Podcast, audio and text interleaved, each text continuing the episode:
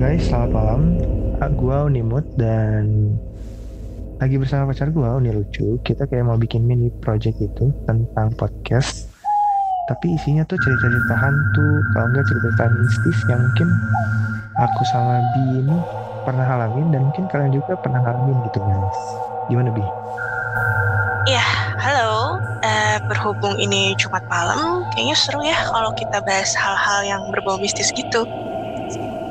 Ya udahlah ya, nggak sepanjang-panjang. Kita mulai aja Bi. Eh tapi sebelumnya kamu emang percaya banget sini tentang apa ya makhluk-makhluk astral, kalau nggak hantu, kalau nggak setan, kalau nggak jin. Oh, Kayak gitu. percaya sih, karena emang aku pun pernah beberapa kali ngeliat wujudnya. Wow, sampai wujud ya Bi. Gimana tuh wujudnya? Iya, jadi tuh dulu waktu kecil, mungkin sekitar umurku masih 10 tahun, aku pernah ngeliat di lantai dua rumahku berwujud wanita berambut panjang, terus berbaju putih gitu.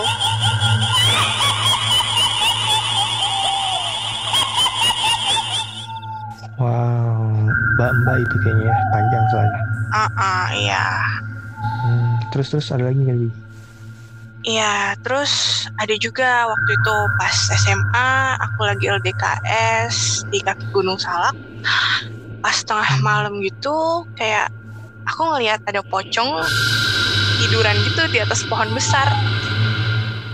Wow, Iya, katanya itu wujudnya kayak gitu Bi. Kalau tanya kan kalau kita lihat di TV-TV mah putih kayak lempar gitu. iya lihat bentuknya gimana, Iya bentuknya kayak gitu.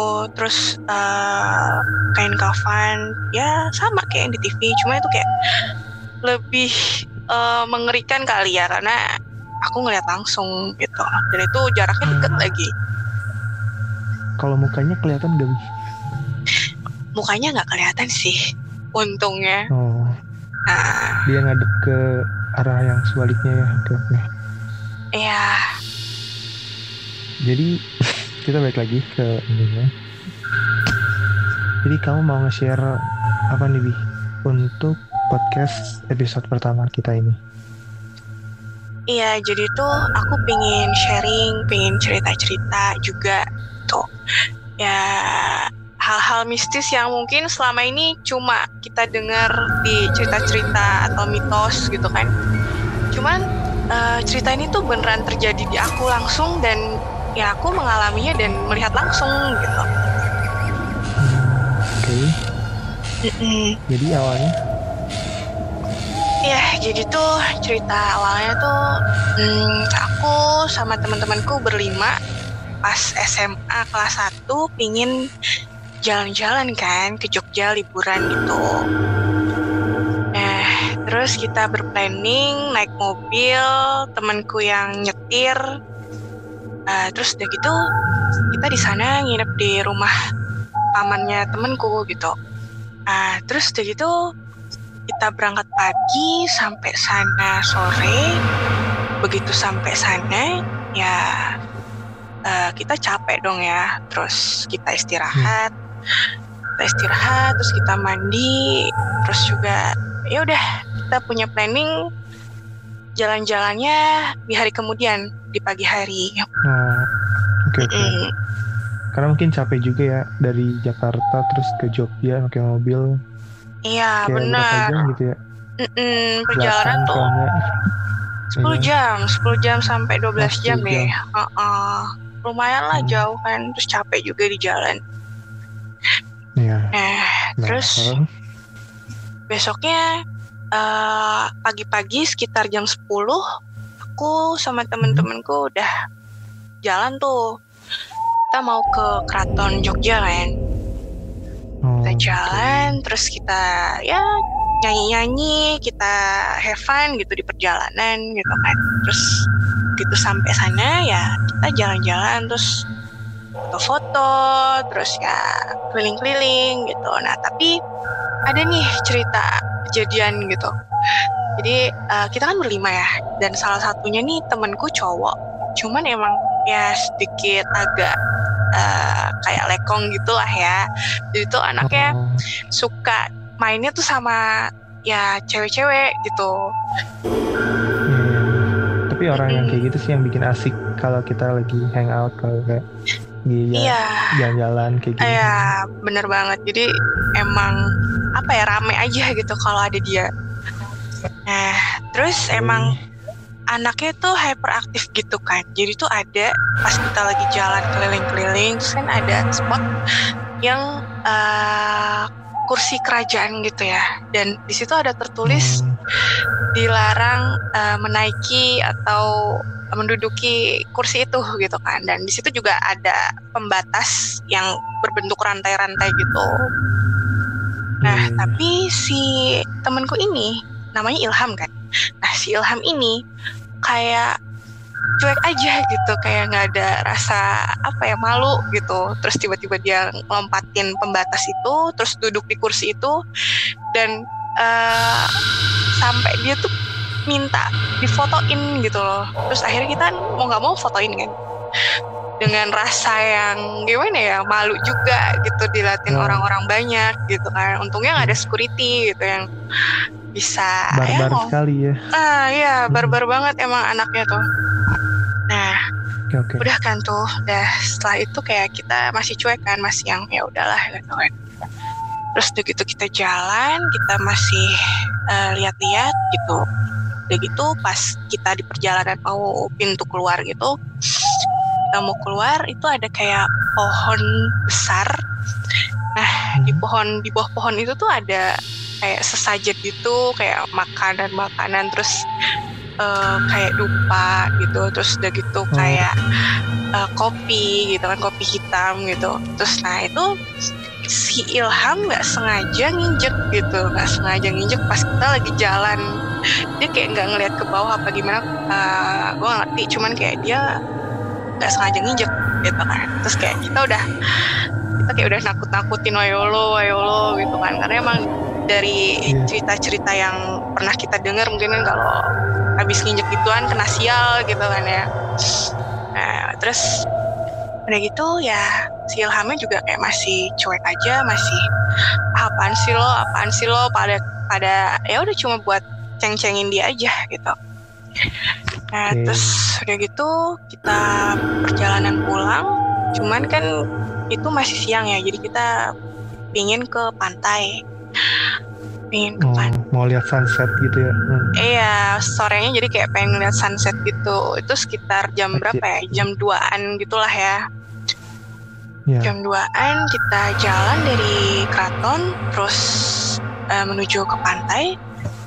Kita jalan juga masih ya kayak tadi lah gitu nyanyi-nyanyi, cerita-cerita, masih seru-seruan gitu. Nah, setelah itu sesampainya di pantai kita kan ganti baju tuh kayak ya ganti outfit lah ya maksudnya dari tadi yang mungkin eh, baju yang lengan panjang atau gimana sekarang kan kayak di pantai jadi mungkin pada ganti ya celana pendek gitu-gitu kan. Ya ya. Nah si Ilham nih tadinya pakai eh, sweater gitu, terus dia ganti kaos, ganti kaos, terus dia gue nggak ngerti kenapa dia tuh ganti kaos warna hijau.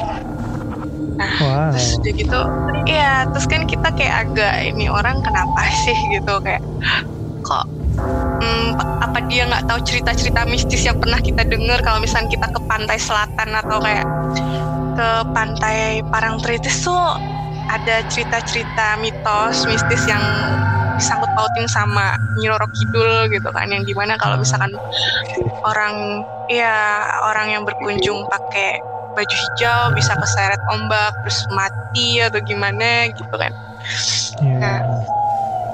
Eh, terus akhirnya kita kayak sempet nanya gitu kan ke si Ilham ini gitu kamu lo kok pakai baju hijau sih gitu lo pakai kaos hijau sih gitu. terus Ilhamnya dengan cueknya kayak "Ah, apa ya dia kayak nentang gitu sih kayak tengil gitu emang anaknya gitu. Ah biarin gue mah gue mah nggak percaya gitu gituan kata dia gitu kan.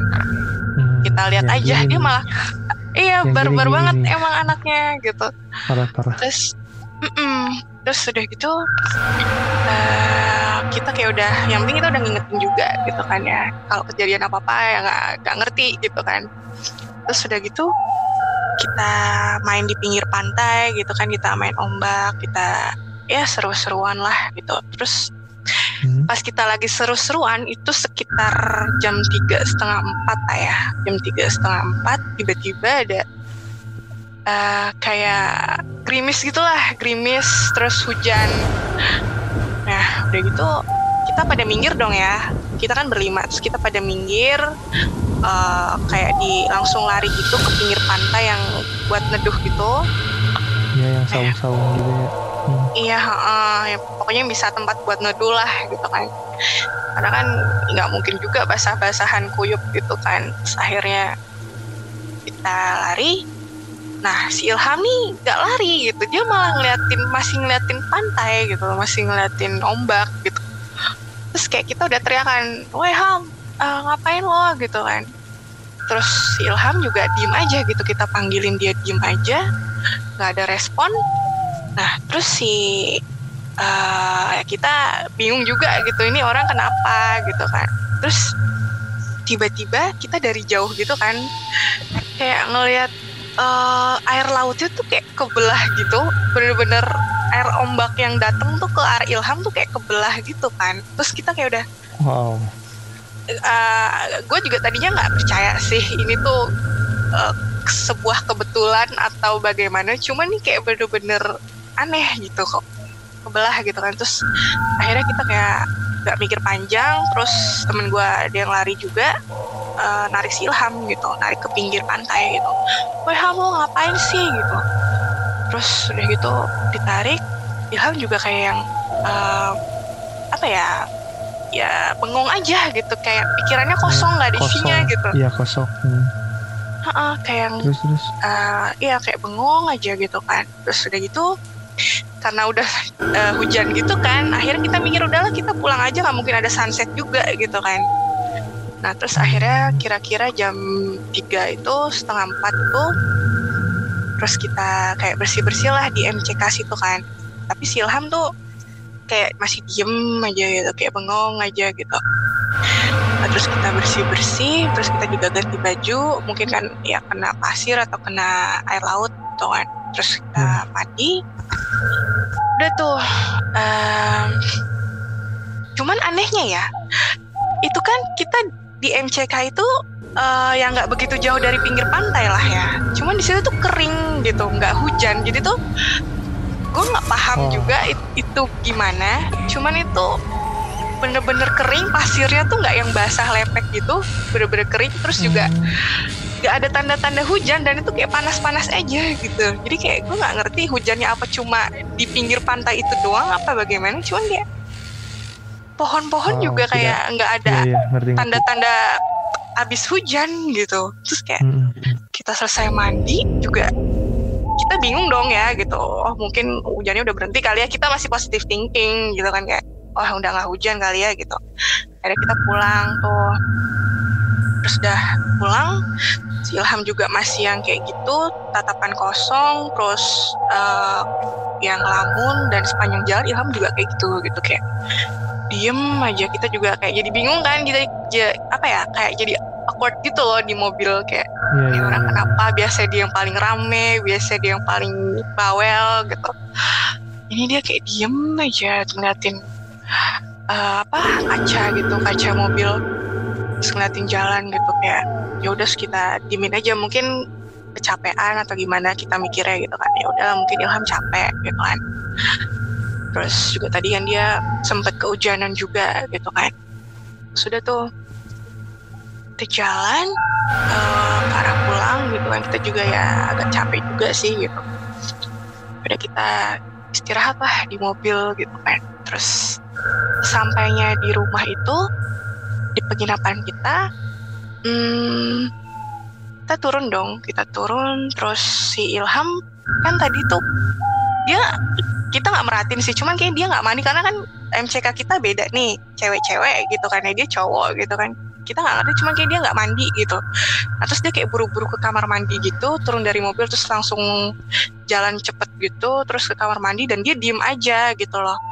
Terus udah eh, kita masuk semua. Terus kan kayak ya udah gitu dong kita kayak istirahat rebahan ada yang nonton TV juga ada yang main handphone gitu kan nah uh, terus di Ilham ini kayak mandi tuh lama banget gitu di kamar mandi nggak ada suaranya terus sudah gitu kayak biasanya kalau orang mandi kan ya, ya ada suara ada air gitu kan air. Hmm. Uh -uh, ada suara air gitu kan terus udah gitu kayak ya bener-bener hening lah gitu kamar mandinya nggak ada suara kayak orang mandi. Terus udah gitu kita tungguin kan. Terus kan itu kamar mandi di situ cuma satu. Terus temenku tuh ada yang kayak pengen pipis gitu kan. Terus udah gitu digedor-gedor lah gitu kan. Kayak ham lo ngapain sih? Gitu. Kok diem aja nggak ada suaranya lo mandi atau ngapain? Gitu. Gue pengen pipis nih gitu kata temen gue gitu kan. Terus udah gitu Han masih diem aja nggak ada kayak nggak ada tanda-tanda kehidupan lah di kamar mandi itu kayak. Nah terus si Ilhamnya ini uh, ditungguin tuh sama teman gue lima menit lah gitu kan. Akhirnya dia keluar. Akhirnya dia keluar cuman tampangnya kayak udah kayak udah kusut banget gitu mukanya udah kusut terus kayak uh, kayak orang marah gitu. Terus tiba-tiba uh, apa dia buka pintu terus langsung masuk kamar tidur gitu kan. Dia langsung gebrak pintu kamarnya itu gitu kayak kayak orang marah gitulah. Kayak gue juga gak ngerti hmm. kenapa temen gue juga pada mikir gitu nih orang kenapa gitu apa tadi marah gara-gara digedor-gedor karena temen gue kebelet pipis itu gitu kan. Terus itu dia langsung masuk kamar terus dia tidur tuh. Dia tidur terus dia gitu kayak ya udah kita masih rebahan-rebahan gitu kan di sofa gitu. Ya terus udah gitu si Ilham nih kita tengok gitu kayak beneran tidur. Dan itu kan udah uh, sekitar jam 7 malam ya. Jam 7 malam tuh kayak kita udah lapar banget pengen makan belum makan gitu kan. Kita kayak berinisiatif ayolah kita cari makan aja yuk nongkrong keluar gitu kan anak-anak. Nah, terus kita ngajak Ilham dong gitu kayak Ham walaupun dia tidur cuman kita bangunin karena dia juga belum makan juga gitu. Kamu lo mau nitip makan nggak atau mau ikut nggak gitu? Karena dia juga kayaknya kecapean gitu, jadi kayak ah ya udah apa mau dibungkus apa gimana gitu kan. Ya, Terus ya. dia diem aja gitu. Dia diem aja nggak ada respon juga gitu kan. Terus uh, temen gue deketin kan temen gue deketin wah ham lo dari tadi kenapa sih? Gitu kan deketin. Terus tiba-tiba Ilham tuh kayak melotot gitu kayak melotot wow. terus udah gitu kayak orang marah gitu. Terus ya kita udah mikir aneh-aneh lah gitu kan. Terus uh, salah satu temen gue yang yang apa yang mm, bangunin itu kaget kan. Dia kaget terus dia kayak wah sini. Dia lihat Ilham kenapa nih? Gitu kan. Terus kayak si Ilham kayak udah marah-marah gitu kayak orang kesurupan. Dan emang bener kayaknya kesurupan gitu loh kayak. Iya uh, terus kayak uh, terus kayak si Ilham nih bener-bener yang marah-marah gitu. Kayak orang apa ya ya kasurnya dihentak-hentakin gitu gitu. Terus udah gitu uh, setelah itu kita semua panik dong ya cewek-cewek itu kan? Kita udah panik. Terus kita mikir ini mau gimana? Saya ya udah lo telepon paman lo itu deh yang ini gitu kan. Yang punya rumah ini gitu kan. Terus akhirnya ditelepon dong gitu. Cerita lah tuh. Akhirnya pamannya dateng pamannya dateng terus uh, ngelihat keadaan Ilham begitu akhirnya pamannya nyari kayak ustadz atau pak kiai gitulah Nah hmm. terus akhirnya datanglah itu kan Pak Kiainya datang terus kayak ngeliat keadaan Ilham begitu ya dia juga agak shock juga gitu kan terus kayak bener-bener kekuatannya tuh kuat banget gitu loh yang kayak marah-marah gitu kayak dipegangin tangannya juga pun marah-marah kayak ya kayak berontak-berontak gitu gitu akhirnya kayak didoain sama Pak Kiainya kayak dibacain surat-surat gitu. Terus akhirnya kayak si Ilham juga udah mulai tenang gitu kan. Cuman emang kayak masih berontak-berontak cuman kayak udah lumayan lah gitu nggak yang separah tadi gitu kan. Terus akhirnya dibacain terus sama Pak Kiainya. Udah gitu Ilham udah mulai apa ya udah mulai tenang. Cuman dia kayak keadaannya nggak sadar. Dia kayak pingsan gitu. Nah Hmm. terus ya terus udah itu pas mungkin dia ya lelah juga kali ya mungkin habis kesurupan apa kita nggak ngerti. Cuman eh, setelah eh, kejadian itu Pak Kiainya ngobrol lah sama kita kita kan. Tadi ada kejadian apa kalian ngapain aja gitu. Kita ceritain dari awal gitu.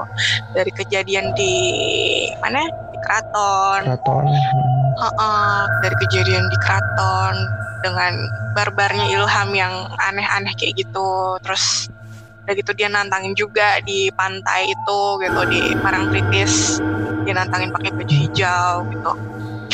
Terus kayak ya kita yang kena marah juga gitu loh. Kita kayak kalian ini anak muda kenapa bla bla bla bla? Gitu. Kata Pak Kiainya kayak gitu gitu kan. Jadi kayak ya mungkin kita salah juga sih ya. Gitu mungkin terlalu barbar juga kita kita gitu cuman kayak ya buat pelajaran aja kali ya buat kita semua gitu jadi kayak dan paham gitu loh itu soalnya pertama kalinya juga gue ngeliat temen gue kesurupan dan itu sangat mengerikan gitu kayak hmm ya itulah Wow. Jadi endingnya Iya. itu si Ilhamnya gimana bi? Maksudnya masih sadar apa? Nah, terus si Ilhamnya tuh setelah itu kan setelah kita ngobrol-ngobrol sama Pak Kiainya itu terus udah gitu agak malaman tuh Ilham sadar kan. Ilham sadar terus kayak dia lemes juga emang. Ya mungkin karena dia energinya kepake itu yang gara-gara kesurupan itu. Terus dia kayak capek ngerasa capek lelah. Terus dia kayak nanya kok kok kita udah di sini? Gitu dan ternyata kayaknya dia tuh udah kesurupan mulai dari pantai kali ya. Jadi kayak Wow. dia nggak sadar gitu loh. Dia nggak sadar kalau ternyata udah di rumah itu gitu. Terus kita ceritain dong ke si Ilham ini. Tadi lo tuh gini gini gini. Kita ceritain dari yang dia di pantai eh, apa ombaknya mau ngebelah gitu kan. Terus kayak hujan kita ceritain juga. Terus udah gitu eh, dia pulang marah-marah di kamar mandi juga. Eh, apa kayak gak ada suaranya kita ceritain juga ke dia gitu. Dan dia kayak nggak percaya gitu ah masa sih? gitu kayak. Cuman emang salah satu temen gue kayak ada yang ngevideoin gitu ngevideoin Oh. apa Mm, ada yang ngevideoin pas dia lagi kesurupan cuma sebentar gitu sih. Cuman kayak Hmm. bener-bener apa ya eh ya gitulah gitu dan setelah Iya sepulangnya iya parah parah setelah eh, sepulangnya dari Jogja gitu kan kita kayak mikir gitu udahlah kita jangan aneh-aneh lagi jangan barbar lagi kalau misalkan pergi-pergi ke tempat Nah, iya. jauh gitu kan Iya, kan. dan Jadi kita kayak apalagi lebih Apa? lebih apa ya? Lebih aware lah sama rulesnya di situ, peraturannya apa gimana? Iya, betul, betul, betul. Jadi ya buat pelajaran uh, gue dan teman-teman gue dan itu benar-benar kita ceritain di kelas waktu masuk semester 2 gitu kan.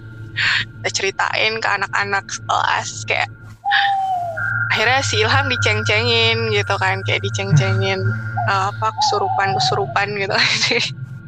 Cuman setelah kejadian itu Ilham kayak agak berubah sih. Jadi mungkin yang tadinya eh, jarang sholat jadi sholat gitu. Heeh, Syukurlah. jadi sholat. Iya, heeh. iya. Jadi ada hikmahnya ya. iya benar. Jadi ada hikmahnya dan kita jadi agak-agak ya trauma juga sih mungkin kayak pergi-pergi jauh gitu kan. Maksudnya liburan. Jadi kayak ya kalau mau liburan deket-deket aja lah gitu. Heeh, gitu. Ya minimal tahu yang tadi sih ya. Maksudnya kita tahu di sana tuh larangannya apa. Kalau enggak Iya. kita setidaknya respect juga apa mau saling menghormati sama makhluk hidup Hmm. atau enggak ya makhluk yang mungkin kita nggak bisa lihat juga sih gitu. Iya, iya benar. Dan ya dengan apa yang sudah terjadi, kayak kita jadi membuka mata gitu loh, kayak apa yang orang-orang bilang cerita-cerita mitos itu jadi kayak Wah, wah iya. ternyata real ya gitu, Real. ternyata Iya, betul banget. bener ya gitu kayak ya mungkin dari cerita Nyi Roro Kidul atau apa gitu kayak mistis-mistis itu kayak mungkin ada benernya juga Hmm. kali ya gitu dan ya bener gitu dan terjadi betulan gitu dan kamu bisa lihat sendiri gitu iya walaupun nggak ngeliat wujudnya si Nah, iya. eh, itunya gitu. Cuman kayak nge apa ya ngerasain apa ya aura-aura mistisnya tuh kerasa gitu loh. Kayak ternyata dia masuk ke raganya Ilham gitu kan kayak kita jadi ngerasain gitu dari dia dia udah diem aja pas pulang dari pantai dia udah diem aja kita udah ngerasain sebetulnya. Gitu cuman kayak kita kayak masih positive thinking gitu loh kayak ini mungkin kecapean kayak gitu Oke deh. ya itu keren keren keren Iya, kalau kamu gimana? Ada cerita nggak? Atau mau diceritain di next episode aja?